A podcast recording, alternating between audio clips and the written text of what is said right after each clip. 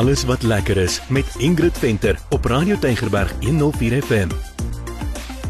Baie hartlik welkom van my Ingrid Venter. Dit is tyd vir alles wat lekker is en dis die program waar ek en Meyer jou vertel van lekker dinge wat jy kan doen in en rondom Kaapstad. Ja, welkom van my Meyer. En vandag Ingrid kuier ons sommer net hier in die Kaap. Ag nee, ek tog ons was in Addis Ababa. Ja, dit het so gevoel, dit het so gevoel ja, maar Addis in Cape is sommer net hier in die Kaap en net so vinnig die adres is nommer 168 Loopstraat. Ja, hulle sê dit is waar Addis meets Cape Town. Senait is aan die stuur van sake en dis natuurlik 'n restaurant. Sy het reeds 15 jaar gelede van Ethiopië gekom, woon hier in Kaapstad en sy het die restaurant al 15 jaar terug oopgemaak, aanvanklik in Langstraat. Dit het moeilik geraak daar so sy het besluit om te skuif na Loopstraat.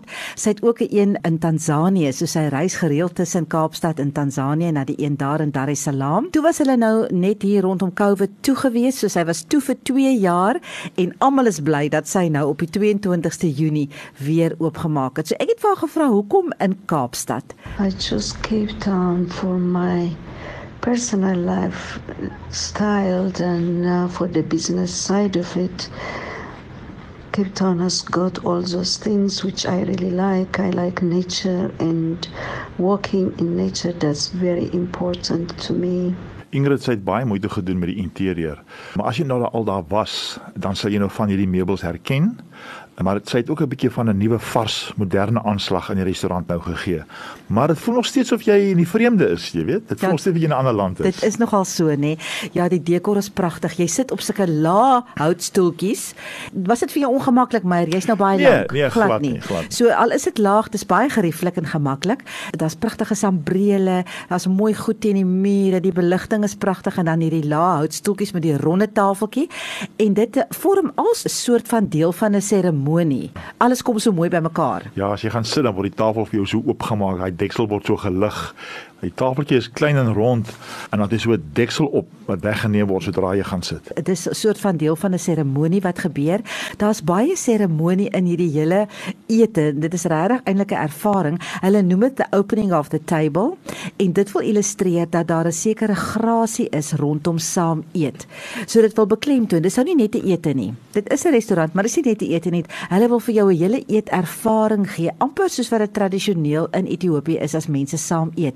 So jy eet soos wat die mense daar eet wat beteken neem kennis geen eetgery nie wat vir my nog 'n uitdaging kan wees want hy Ja. eet tot 'n pizza met 'n mes en Absoluut. maar uh, dit was lekker nê Absoluut, maar as jy met jou hande eet, dan moet jou hande skoon wees en daar is nou ook hierdie hande was seremonie wat nogal interessant is. Ja, dit was amper vir my so half 'n bederf.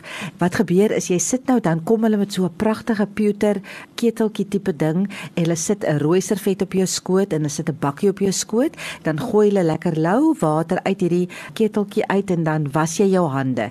Maar daar is eintlik 'n dieper betekenis rondom hierdie hele seremonie want sy net vertel dit gaan oor respek vir ander mense omdat jy saam uit een bord uit eet met mense. Dit gaan vir respek oor die kos. Sy sê dit is hoe sy groot geword het. En ek het vir haar gesê sy moet so 'n bietjie meer vertel en dit is baie mooi. Luister gou wat sê sy. Hand washing ceremony is not only cleaning your hands to eat with, it is a respect giving grace and a blessing to what you are about to receive. Sharing food with family and friends from the same plate is joyful and honorable. The person who is pouring the water for you to wash your hands makes you feel humble. Traditionally, it is then taking in account the person's age, gender, and status. Observing this in your mind and also getting guided whom to wash first, the ceremony can go on. At Addison Cape, we make sure to perform the ritual as good as we can. Saam eet is belangrik, dis 'n sosiale geleentheid. En daarom word jou tafel ook nou eintlik jou bord en almal eet nou soos sosiaal saam uit hierdie een bord uit. Ja, dit is eintlik is eintlik ongelooflik. Sinait sê ook Ethiopian food is simple food. It's organic, it's made to share. So ek kan sê van die kos dis geurig, dis 'n bietjie spicy, maar dit brand nou nie jou mond nie. En daar is baie baie gluten-vrye ehm um, opsies en baie vegan opsies. Die helfte van die spyskaart is eintlik vegan, want in die Ethiopiese Christen-Ortodokse Kerk word daar baie gevas vir al die priesters en dan mag hulle net vegan eet. So van daar baie vegan Ethiopiese geregte. Ja, en dit werk as volg. Daar is twee opsies. Jy kan 'n 3 gang maaltyd kies. Dan kan jy so min of meer ietsie van alles proe en dit sluit nou in prawns, en bees, lam, hoender, groente en chickpeas. Ek hoop ek het nou die meeste opgenoem hier so. Ja, ja, dink jy. Ja, of jy kan à la carte bestel. Ja. Nou wat dan gebeur is uh, jy maak nou jou bestelling dan kom hulle na jou toe. Die die kelner kom na jou toe met so 'n groot bord. Hy's toegemaak met so 'n groot deksel maar dit lyk soos 'n amper soos iets wat geborduur is of met kralewerk gedoen is. En dan ehm um, dis 'n hele ding wat daar gebeur. Dan kom sit hy dit voor jou neer en hy pas presies op jou tafel. Dan lig hy die deksel en dan op hierdie bord is 'n groot kryp nou dit is iets wat hulle maak of van rys wat gefermenteer is of tef. En tef is deesdae 'n nuwe superfood is baie bekend. En dan op hierdie bord staan nou bakkies met jou kos op. En dan sal hy nou een vir een vir jou verduidelik wat is in hierdie bakkies sê net maar dit is lam dan dop hy hom uit. Dit is bees dan dop hy hom uit. Dit is sê net maar chickpeas dan dop hy hom uit. Tot al die geregte nou so op dit omgedop is en uh, och dan lyk dit so lekker jy kan nie ja, wag om te begin eet ja, nie. ja dan kry jy nou hierdie bakkies met hierdie rolletjies in. Dink hulle noem dit injera. Jy kan ook daai kruip waarop die kos in jou bord is ook gebruik, maar jy vat nou hierdie rolletjies dan skeer jy nou vir jou 'n stukkie af vou jy hom so tussen jou vingers en daarmee skep jy nou jou kos op. Jy vou amper die kos so binne in daai stukkie velletjie in ja van die van die injera of die kruip en dan en dan eet jy. Man. Maar hoorie sê net vir my, hoe was dit nou vir jou om met jou hande te eet want jy eet nooit met jou hande nie. Uh, Eerlik ek, ek ja, ek sukkel so 'n bietjie in die begin, maar ek dink as jy is die hang van dit net dan gaan dit redelik maklik, maar ek moet sê die kos was baie smaaklik. Ja. Baie lekker. En ek hou van met my hande eet, so vir my was dit so lekker. So um, ek wou nou eintlik vir die luisteraars Meyer vertel van al hierdie geregte op die spyskaart, maar ek kan nie dit uitspreek nie. Ek moet nou net bieg. Ek weet daar sekere woorde soos injera is nou hierdie hierdie goed waarmee jy eet wat gefermenteer is. What verwys na 'n stew of 'n sous. Alicha Dis ook iets wat hulle gebruik amper soos 'n soos 'n borrie om die kos lekker ehm um, geurig te maak. Ek dink as jy wil weet, moet jy net na hulle webtuiste toe gaan. Hulle verduidelik alles baie mooi daar.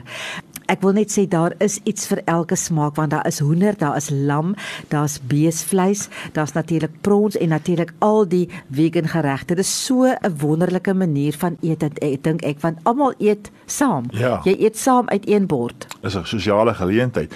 Maar die, die Ethiopiërs is nou nie so groot op uh, nagereg nie, maar hulle het daarmee 'n spyskaart mees beperk.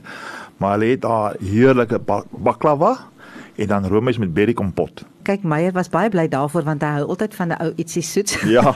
so daar is 'n ietsie soets nadat jy geëet het, maar ek moet vir jou sê die kos omdat dit so geurig is, is verskriklik vullend en dit is so so lekker. Maar ek moet nou net gepraat oor die koffie want jy moet jou ete eindig met koffie. Dit is 'n moet. Ja, ja, maar kyk as jy nou sensitief is vir kafeïen, dan moet jy nou mooi dink hieroor.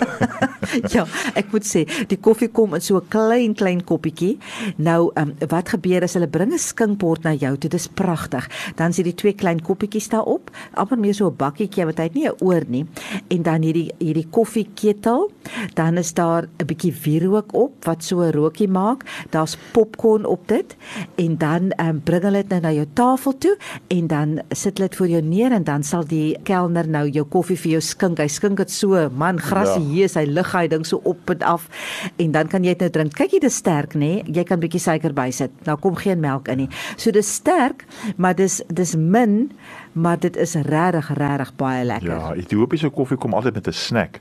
Maar soos jy nou alles verduidelik het, jy weet, dis nie sommer net koffie wat jy drink nie. Daar's ja, Senait het ook gesê daar kom altyd 'n snackie by van daardie popcorn. Die popcorn het eintlik 'n hele storie rondom dit. Daar's ook 'n hele 'n uh, seremonie en 'n uh, uh, goed wat gebeur in die Ethiopiese kultuur. Dis nou te lank om te vertel. Maar Senait sê altyd koffie is 'n proses van kuier. Ja. Dit is nie net jy maak nie net koffie en jy drink dit. Die koffie word gemaal in in die geselskap. Nou ook nie met 'n ou masjienkie soos ons dit doen nie. Hulle maal dit met die hand. Word gemaal. Sy sê jy maal ook nie koffie vir môre nie. Jy maal dit nou om nou te drink. En ek wil net sê hulle het een keer 'n maand 'n koffie seremonie dan sit sy net self daar. Sy maal die koffie, sy verduidelik vir jou alles, sy kuier saam met jou. Dis iets spesiaals. Jy moet hulle webtuiste dop om te sien wanneer is die volgende datum, maar ek dink dit moet 'n heerlike ervaring wees. Ja, en hulle bring hulle natuurlik hulle eie koffie en speserye en ander bestanddele self in van Ethiopië af. Dit is nou maar net sodat jy die ware Ethiopiese ervaring kan kry. Ja, en ek moet sê sy kry dit reg. Dit is 'n fantastiese eetervaring. Dis hier op jou deurdrempel. Ek moet sê die toeriste is baie lief vir die plek. Kyk, die restaurant is al 15 jaar oud. Hy het nou nie oopgemaak op 'n ander plek. Addis in Cape, maar ehm um, toeriste ken vir Addis in Cape. Hulle ken vir Senite, maar ons plaaslike mense uh, moet daar definitief ook ja. ondersteun want dit is regtig 'n besonderse ervaring en sy is 'n fantastiese, baie stylvolle gasvrou. Absoluut. En uh, ek wil net vir mense sê onthou, hulle is nie oop op Sondag nie. Ja, jy moet nou nie op 'n Sondag gaan nie. Ja, en dan kan jy maar net gaan Google Addis in Cape en daar sien jy nou al die inligting kry oor hulle kosse, hulle tradisies ensovoorts. Ja, jy gaan definitief alles daar kry wat jy wil weet.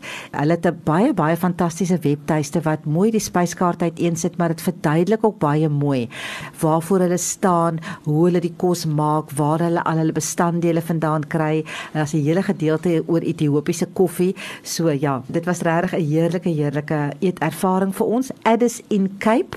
Gaan Google dit, gaan maak 'n draai. Ek kan nou vir jou beloof, jy gaan nie spyt wees nie. Absoluut. So van my Ingrid, tot 'n volgende keer ja, sien. Totsiens. 'n Groete van my, gaan geniet so 'n bietjie Ethiopiese ervaring.